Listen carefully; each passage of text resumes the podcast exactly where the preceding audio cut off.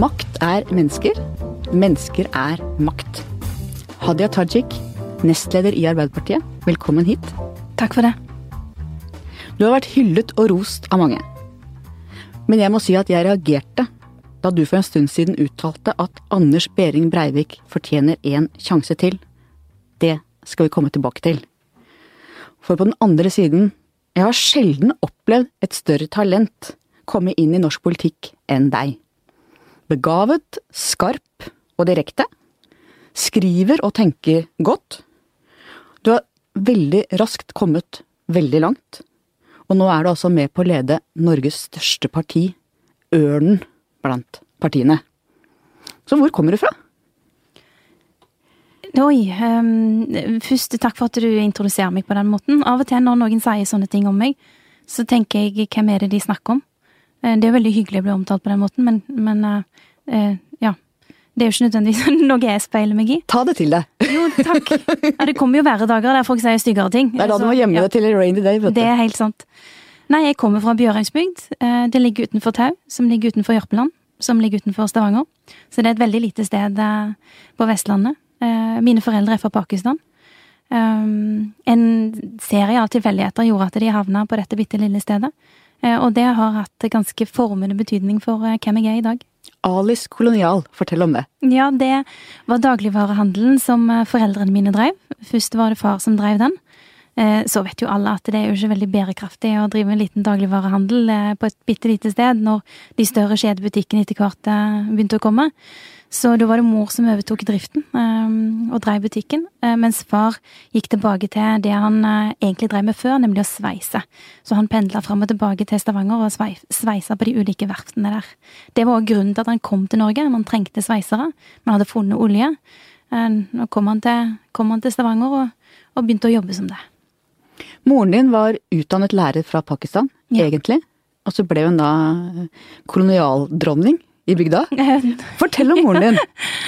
Mor mi er en fantastisk sterk dame. Uh, hun eh, kommer uh, Altså, begge foreldrene mine kommer fra Koita i Pakistan, som ligger vest i Pakistan. De har vokst opp i helt vanlige pakistanske familier. pappa kom jo som, som arbeidsinnvandrer, og mamma kom fordi hun hadde gifta seg med han. Eh, og mamma har fortalt en del om hvilke forventninger og drømmer hun hadde når hun kom til Norge. Hun tenkte hun skulle til Europa. Og hun hadde sett disse høye bygningene og disse bymetropolene. Og så lander de på Sola flyplass i Stavanger. Og det lukter hevd, ikke sant? Det lukter kumøkk. Og mor mi tenker, hva er dette for et sted? Hvor er det jeg har havna? Er dette liksom Europas eh, versjon av Afghanistan jeg nå skal bo? Fantastisk. Du må huske at Stavanger var jo på den tiden ikke en veldig rik by. Det er jo den rikdommen og fargerikheten som man ser i Stavanger i dag. Det så man jo ikke på 1970-tallet. Det lukta sild. Eh, for det var det man drev med, det var det man levde av. Det var det mamma òg jobba med helt i starten. Um, så skuffelsen var nok stor helt i begynnelsen. Men de må jo ha trivdes her, for det var her de ble værende. Så du er egentlig en skikkelig bygdejente, du? Ja, jeg er født i Bjørgensbygd. Um, og um, selv om jeg nå har bodd ti år i Oslo og er veldig glad i denne, i denne byen, så merker jeg jo at jeg kommer fra et annet sted. Hvilke plikter hadde du i butikken? Høres ut som en familiebedrift? Det var en familiebedrift, men jeg hadde ikke egentlig sånn, sånn definerte plikter. Men jeg fikk uh, lov til å være med og hjelpe til. Uh, rydde i hyllene, sette varer på plass, prise de. Det syns jeg var kjempestas. Få lov til å bruke prisemaskinen. Uh, og av og til, um, når jeg ble litt eldre, så fikk jeg lov til å slå inn i kassen når folk skulle kjøpe noe. Og da sto mor mi ved siden av og fulgte med og passte på at jeg gjorde ting skikkelig. Uh, men det var stor stas å få lov til å slå inn ting i kassen. Her tror jeg nesten vi snakker om en ungpikedrøm, for jeg drømte også om da jeg var liten å få lov til å stå i en kasse og ta 12,95 pling, 13,70 ja. pling, og så regne sånn 24 kroner, det er 25, 30. Sånn at det er kanskje det unge jenter drømte om i gamle dager, i hvert fall. Ja, i hvert fall så, så er, når det er noe mamma gjør, eh, og mødre er jo ungers første forbilde, eh, så er det klart at det, det var noe jeg syntes var kjempestas, for jeg så mamma gjøre det. Var det andre familier i bygda med innvandrerbakgrunn enn dere? Nei, det var bare oss.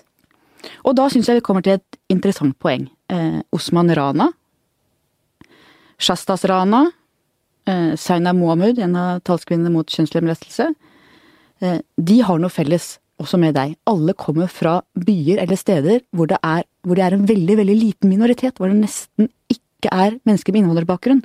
Hva forteller det oss? Jeg tenker eh, Altså, for jeg kan snakke for meg sjøl, så har de sikkert sine historier. Men det jeg har tenkt, er i hvert fall at eh, det som har vært fordelen med å vokse opp på det stedet jeg har vokst opp på, eh, er jo at jeg har eh, på mange måter, du kan si, bada i det norske. Vært omgitt av det norske til enhver tid. Og jeg har um, sluppet unna den mest intense sosiale kontrollen som fins i en del etniske miljøer. Der um, særlig unge jenter, men òg unge gutters liv, blir regulert ut ifra familiens omdømme. Der du vet at det alltid er noen som følger med på det du gjør, og dømmer deg på basis av det, og er med på å spre historier og rykter om deg for at deres egne unger eller de sjøl skal fremstå i et bedre lys. Eh, det kan, være, det kan være en hard måte å vokse opp på, på den måten at man begynner jo å drive med sjølregulering og leve opp til de standardene som hører til det etniske miljøet, i stedet for å leve et alminnelig norsk liv. Eh, så jeg tror nok at det har hatt ganske formende betydning for meg. Du har sluppet med, jeg husker For mange år siden snakket jeg med Lovlin Brenna, som snakket om dette med å hoppe mellom to kulturer. Og på en måte måtte lyve litt begge steder. Være én ute, én hjemme aldri få lov til å være ordentlig seg. Hva tror du det gjør med unge mennesker som lever i miljøer hvor det er større sosial kontroll enn det du opplevde? På det verste så tror jeg det knekker folk. Mm. Eh, det å bære den type hemmeligheter som man da må bære. Altså viktige ting i livet sitt som man ikke kan fortelle noen andre. Som for eksempel det at man har blitt glad i et annet menneske. Som man ikke kan fortelle liksom venninner i det pakistanske miljøet. Og det er, en, det er en stor ting hvis man opplever det. Eh, så jeg tror at det kan, det kan ødelegge folk. Men på sitt beste så får man utrolig dyktige balansekunstnere. Som klarer det å, hva skal jeg si, um, forstå og navigere i de norsk-pakistanske forventningene. Og de tradisjonelle norske forventningene. På den måten kan du få veldig dyktige journalister som kan kildepleie. Du kan få veldig dyktige diplomater som kan forhandle. Og jeg tror du kan få noen politikere òg. Solid flerkulturell kompetanse. Ja, og det er, en, det er en balansekompetanse og en forhandlingskompetanse som et moderne samfunn eh, trenger. Men samtidig, igjen, jeg har ikke noe behov for å forherlige det. Fordi sånn er det på sitt beste. Når du klarer å lande på beina. Men på sitt verste så tror jeg det er forferdelig tungt. Da går vi rett til flyktningsituasjonen, for den handler om dette. Eh, det har jo blant annet vært eh, snakket om store brakkebyer med 3000 mennesker som skal bo midlertidig, såkalt. Men vi ser jo at hvert SFO som er midlertidig bygd i Norge, blir jo varig. Kunne det kommet en Hadia Tajik ut av en sånn getto? Vet du hva? Det, det, kan godt hende. Uten at, det, uten at det, skal være noe ideal, og at alle skal ende opp, som, ende opp som, meg. Men det kan godt hende. Eh, altså, de vil jo måtte gå en annen vei. Um, og jeg tror ikke det er jeg tror ikke det er klokt uh, å samle folk med, traumati altså med, traumatiske opplevelser på den måten der. Uh, jeg tror ikke det nødvendigvis får fram det beste i de. Uh, men vi har en del fellesarenaer i Norge som likevel kan på en måte bygge opp under og styrke liksom, den kompetansen og de forutsetningene som folk har. Fellesskolen, for eksempel, mener jeg er helt avgjørende for det. At man i hvert fall hvis man blir ordentlig sett som menneske og blir utfordra på det nivået man er på. Og samtidig da lære å navigere i alle de ulike bakgrunnene som finnes i fellesskolen, med både knytta til sosial bakgrunn, altså noen som er økonomisk sterke og andre som ikke er det, etnisk bakgrunn, religion, kultur. Um, ja, det, det, kan være en Du har trua?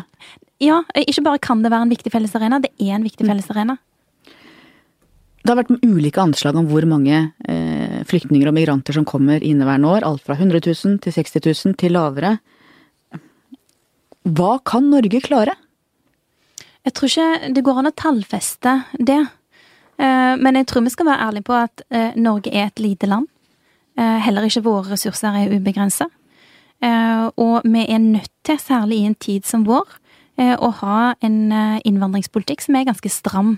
Og det jeg legger i det, det er at før så var det nok sånn at det var enkeltmennesker og familier som var på flukt fordi de var forfulgt. Nå er det hele eh, folkegrupper som er i bevegelse. Det er ikke mulig for verken Europa eller Norge eh, å ta imot alle disse. Eh, så tydelig mener jeg vi må være. Um, og jeg mener at i den forutsigbarheten som ligger i en stram innvandringspolitikk, eh, så eh, det ligger mye humanitet i det. For da gir man ikke falske forhåpninger til folk. Arbeiderpartiet har jo ført, som du sier, en streng, rettferdig og human asylpolitikk. Og den politikken regjeringen fører nå er jo på langt på vei den som Høyre og Arbeiderpartiet har stått sammen om, mens retorikken jo er en helt annen. Sylvi Listhaug som polariserer dette mye. Betyr, fører det til at det blir en helt annen indre opposisjon i Arbeiderpartiet enn det ellers ville vært om disse spørsmålene? Jeg tror i hvert fall at det er veldig mange som reagerer på den retorikken som Sylvi Listhaug fører. Altså, hun har jo en språkbruk som skulle tilsi at eh, man eh, fører en eh, helt ny og hva skal jeg si, vanvittig nyskapende innvandringspolitikk, men realiteten er jo at uh, hovedlinjene i den politikken som regjeringen har presentert på innvandring, det samsvarer med hovedlinjene i det som Arbeiderpartiet har eh, forfekta som riktig. Så vil man alltids måtte diskutere liksom enkelttiltak. Er det innenfor, utenfor, for stramt, uh, for lite stramt? Men hovedlinjene i det er jo innenfor det vi mener. Og da er det to måter å se dette på. Den ene er at det er veldig bra at Frp er Eh, i regjering fører denne politikken, og at de da må få lov til å ha en annen retorikk for at de må også på en måte holde sine velgergrupper varme, men at du allikevel får en konsensus. Den andre måten å se det på er at dette er veldig splittende i en tøff tid. Hvordan ser du det? Det som bekymrer meg, det er at eh, jeg tror ikke Sylvi Listhaug kan lykkes som Frp-er og som integreringsminister samtidig. Det bekymrer jeg på den, på den måten, at hele Fremskrittspartiets skal si, identitet, kommunikasjon og politikk har, har handla om nettopp det. At eh, det at folk kommer til Norge, det fungerer ikke. At de fungerer ikke som en del av det norske samfunnet. Eh, og skal man kunne få folk til å fungere som en del av det norske samfunnet, så må man ha en god integreringspolitikk. Man trenger eh, norskopplæring på mottakene, f.eks., som regjeringen kutter.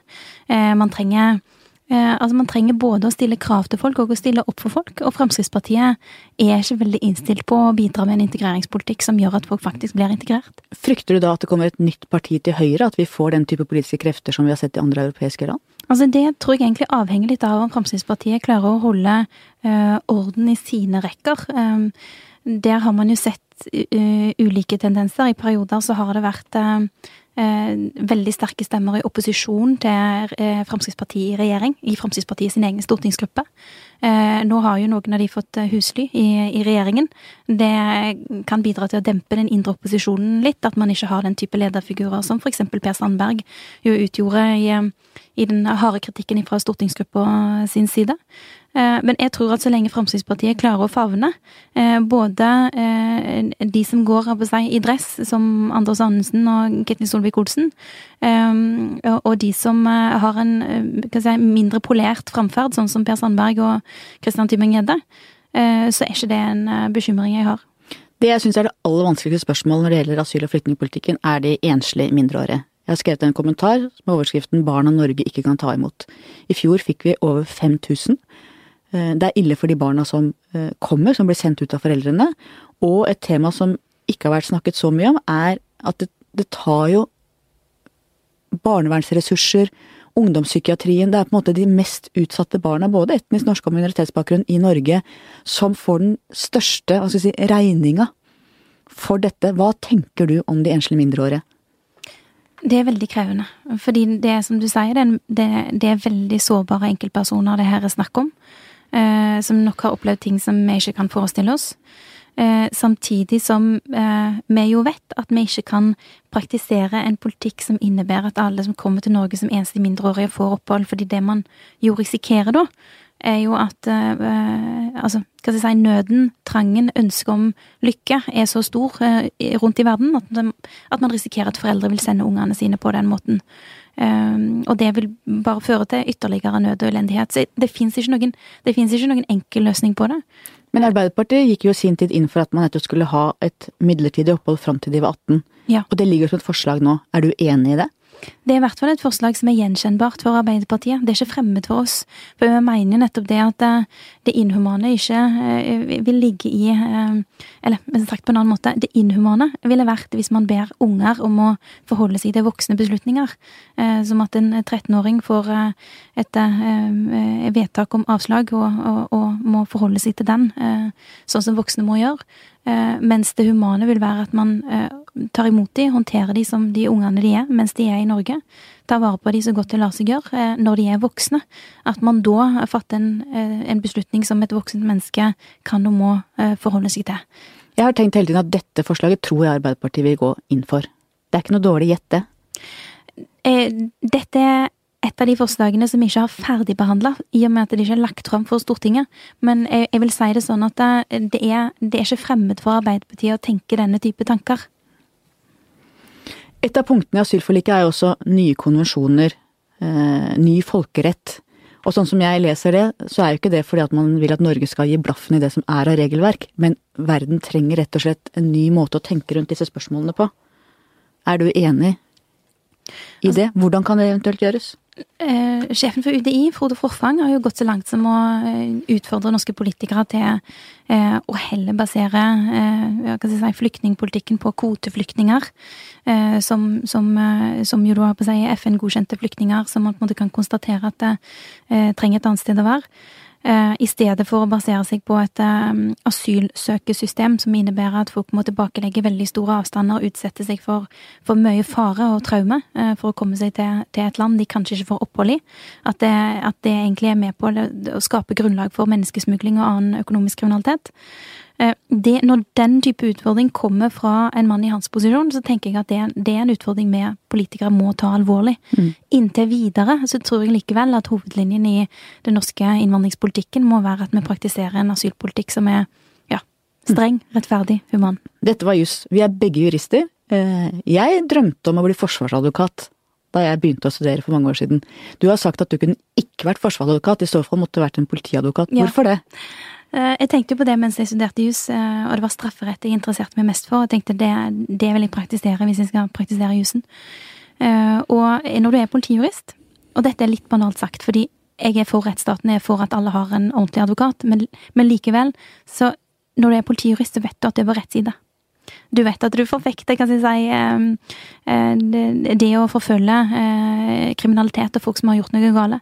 Som forsvarsadvokat så risikerer du jo, det er en del av rollen din, noen ganger å forsvare folk som har gjort noe forferdelig galt. De fortjener selvfølgelig òg at noen forsvarer de. Jeg bare jeg har merka med meg sjøl at det, det ville jeg slitt med å gjøre. Men da er vi tilbake ved Breivik. Mm. Du mener han fortjener en ny sjanse? Det jeg sa, er at jeg hater Anders Behring Breivik. Uh, og at jeg i prinsippet mener at alle fortjener en ny sjanse. At det er hele tenkningen bak kriminalomsorgen vår, hele fengselsvesenet vårt. Uh, at uh, når man er dømt for noe, soner straffen sin, at man har en innhold i soningen som gjør at den dagen man da kommer ut, at man da er mindre kriminell enn det man var da man gikk inn.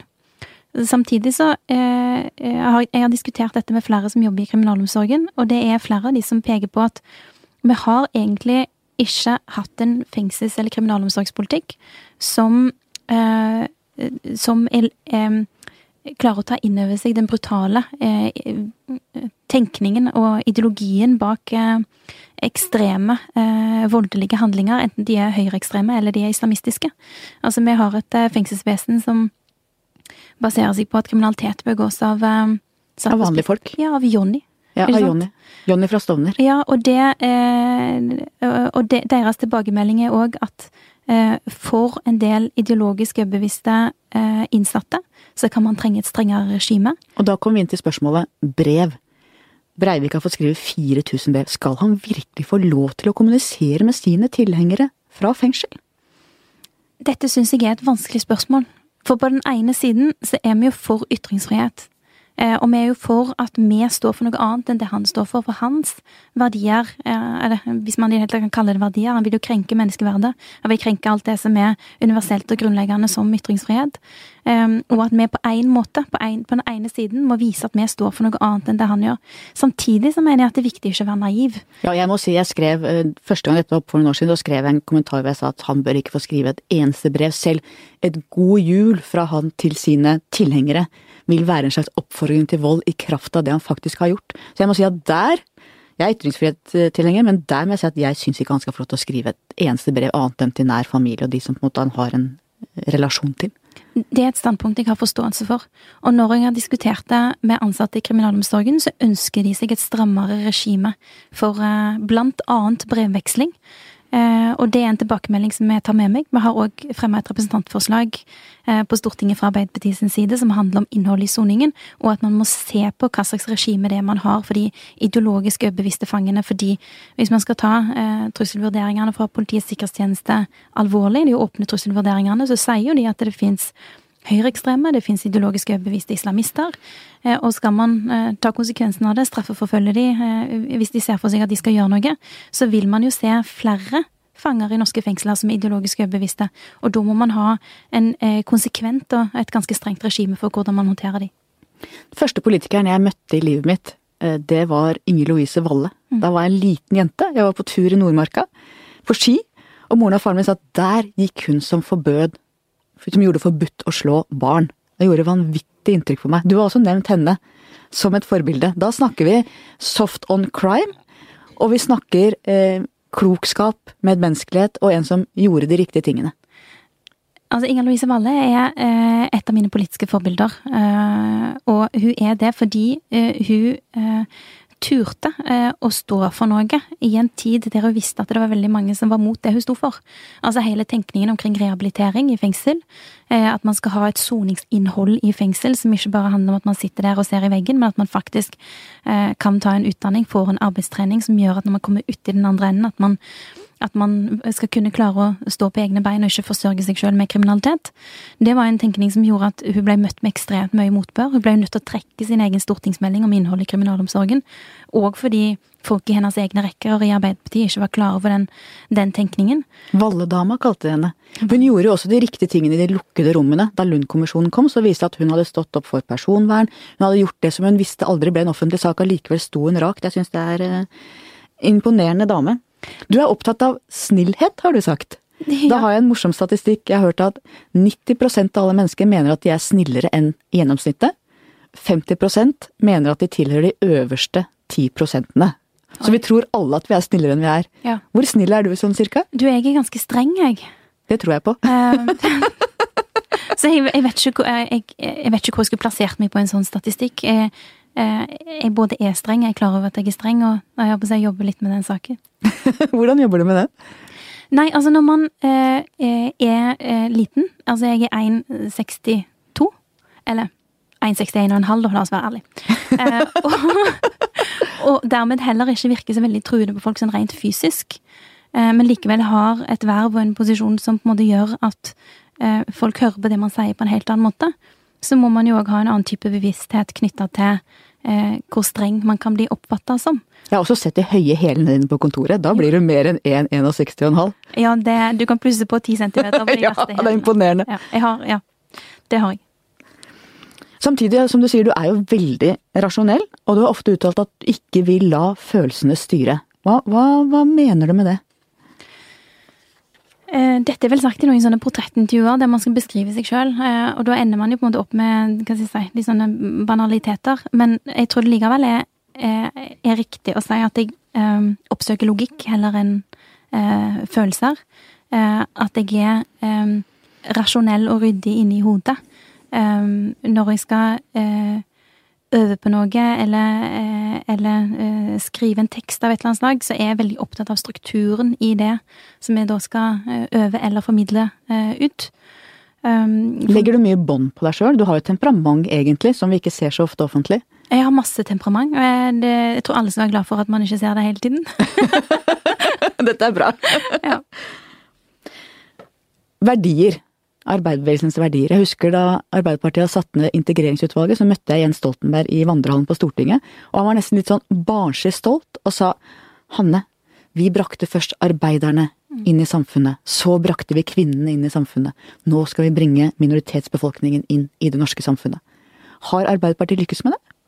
Det er i hvert fall ingen som kan lykkes bedre med det enn det vi kan. Eh, gjennom historien er det jo nettopp vi som har løfta ulike grupper til å kunne være en deltakende del eh, og ansvarlig del av, eh, av, samfunnet. Først med arbeiderklassen, så med kvinnene, nå med de som er nye i Norge. Og jeg mener at vi har et spesielt ansvar og spesielle forutsetninger for å sørge for at vi ikke får en ny norsk underklasse. Men da må vi òg ta det ansvaret på en skikkelig måte. Og hva tenker du, hva er det som binder Norge sammen? Jeg mener at eh, grunnleggende sett så er det bare to ting som må til. Det ene er at vi stiller krav til hverandre, har forventninger til hverandre. Eh, for hvem er det du ikke forventer noe av? Jo, det er de du tror at ikke har noe å komme med. Eh, og det andre vi må gjøre, det er å stille opp for hverandre. Det er de fellesskapsverdiene som har gjort eh, Norge og de nordiske landene til så unike samfunn. Nettopp det at vi baserer oss på fellesskapsløsninger. Og det å klare å få til de to tingene, stille krav til folk og stille opp for folk uansett hvem de er, hvilken bakgrunn de har. At man ikke tror at de er jeg si, nolduser fordi om de har en annen, bak, altså annen bakgrunn og annen hudfarge. Um, det tror jeg er avgjørende for om vi, om vi, klarer å lykkes med integreringen. Og det er noe som vil kunne binde Norge sammen. Hva er forskjellen på eh, kristen kulturarv og kristne verdier? Er det noen forskjell? Og er Norge et kristen land? Altså Det er i hvert fall et land som har, uh, har en uh, kristen kulturhistorie, uh, og fortsatt en del Fortsatt så tror jeg nok at det, det lønner seg å kjenne til den òg når man orienterer seg i norsk historie og norsk kultur.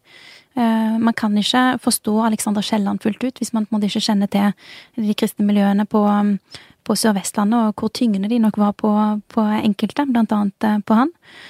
Um, men hva som er forskjellen på kristen kulturarv og kristne verdier? Uh, vel, kulturarv er jo uh, det fortidige. Uh, altså det som har vært med på å forme Norge der, til det Norge vi ser i dag. Mens kristne verdier, det, det er de, si, de, de, de felleskristne verdiene som man må kunne forutsette at overlever tidens tann, som eksempel nestekjærlighet, solidaritet, som jo er grunnleggende sett viktige kristne verdier. Og her sitter jeg og snakker om det. Ja, det er veldig bra. Det er fantastisk. Jeg har jo også røtter fra bibelbeltet på Vestlandet, sånn at eh, jeg kjenner meg litt igjen. Hva, hva, er det viktigste du har med deg derfra når det gjelder eh, religionsbiten? Du er jo en av de politikerne som har det beste språket, syns jeg, for religionens plass i samfunnet. Det er hyggelig sagt. Altså Det jeg har med meg fra Sør-Vestlandet og bedehusmiljøet, eh, det er egentlig den store bredden. Mangfoldet i hvor mange ulike måter det går an å være troende på. Eh, fra de som var dypt troende og, og, prøvde å leve opp til de idealene, til de som for så vidt var troende på, i hverdagene, men, men, ikke i helgene, for da passa det så dårlig, for da var det fest. Um, og òg der så har jeg eh, sett det jeg nok gjenkjenner i en del muslimske miljøer, nemlig en avstand mellom de idealene man forfekter, og det livet man faktisk lever. Dobbeltliv, rett og slett. Hyklerske dobbeltliv. Ytringsfrihet, der har du også vært forbilledlig klar i Arbeiderpartiet. En av det jeg kanskje har vært mest kritisk til når det gjelder Jonas Gahr Støre, er hans håndtering av karikaturstriden. Eh, hva tenker du i ettertid om Arbeiderpartiets eh, håndtering? Jeg opplever at i 2006, som jo dette var, så gjorde man det som var mulig ut ifra de forutsetningene og den informasjonen og den kunnskapen som man hadde på det tidspunktet, og det som var situasjonen. Og det som jo var situasjonen, var at man risikerte angrep på nordmenn og norske ambassader i, i ulike land der det var uh, uroligheter knytta til, uh, til karikaturene. Men norske og danske myndigheter håndterte det veldig forskjellig? Og jeg tror at man gjorde det som var mulig å gjøre med, de, med, den kunnskapen som var tilgjengelig på det tidspunktet. Men da spør jeg deg som redaktør i en stor avis, og deg som neste Arbeiderparti, kan vi stole på Arbeiderpartiet neste gang? Ja, eh, og òg Jonas Gahr Støre er tydelig på at ytringsfriheten er en bærebjelke for samfunnet vårt. Eh, noe vi står for, noe vi er stolte over, noe vi holder høyt. Eh, så her, her vil jeg være like tydelig. Jeg håper du har rett i det. Jeg må innrømme at der jeg, fikk jeg en liten brist i tilliten. Tilbake til deg. Du er ganske reservert som type. Du har sagt du har tre-fire eh, nære venner. Eh, er det mulig å ha vennskap i politikken? Blir det ordentlig vennskap der? Vet du hva, jeg um, uh, jeg, politiker som jeg kjenner, og som har vært politiker i veldig mange år, svært erfaren, og som nok har opplevd de, de rareste ting eh, sa til meg ganske tidlig at politiske venner er ikke som andre venner. Og da spør jeg jo hva mener du med det? Hva, hva ligger i det utsagnet? Eh, og hennes poeng var at eh, de du til enhver tid samarbeider med, eh, som du har et sosialt liv i lag med, er jo de samme som kanskje til enhver tid ønsker seg den posisjonen og det vervet som du har. Og gitt andre omstendigheter, når det ikke er solskinn, men er, men er regnvær og stormfulle tider, så risikerer man at den, den, nærheten og sosiale kontakten man har hatt på et tidligere tidspunkt, at det er noe som skaper ny type sårbarhet. Og Hvordan er fortroligheten i partiledelse mellom dere tre toppledelsen? Er det fortrolighet, eller er det et profesjonelt forhold? Du, jeg har et veldig godt forhold til alle, alle tre. Det visste jeg du skulle si. ja. Men jeg opplever at vi er en, vi er en eh, godt sammensatt eh, partiledelse. Det er et arbeidsfellesskap. Vi har ulike bakgrunner, ulike stemmer, alle fire. Eh, men vi har, eh, tror jeg, funnet en form på, eh, på, det som er god, og vi representerer bredden i dette partiet. Vi nærmer oss slutten. Hva ville du i dag ha sagt til hun lille jenta som sitter på kjøpmannsdisken på Ali kolonial? Hvilket råd ville du gitt henne? Altså, jeg tror jeg ville sagt at, at det går bra. Og på den måten at eh, jeg har nok brukt uforholdsmessig mye liksom, energi i mitt liv på å bekymre meg. eh, for, Gjør du det fortsatt? Ja, jeg er nok eh, Hva, skal jeg si jeg, jeg, oppdager fort hva som kan være potensielle problemer, og setter òg en innsats i å på en måte fjerne de problemene. Um, og det kan jo være bra, det, altså, for da får du fjerne en del problemer, men du bruker òg en del energi på det, så jeg ville sagt til henne det går bra. Men vil, det er én ting til jeg ville understreket. Det at det går bra, betyr ikke at du skal slutte å jobbe hardt. For du, jeg ser at du jobber hardt. Det må du fortsette å gjøre. For det er det som gjør at det går bra til slutt. Det er ikke flaks og tilfeldigheter og, og, solskinn og jeg si, blomsterduft som gjør at det går bra.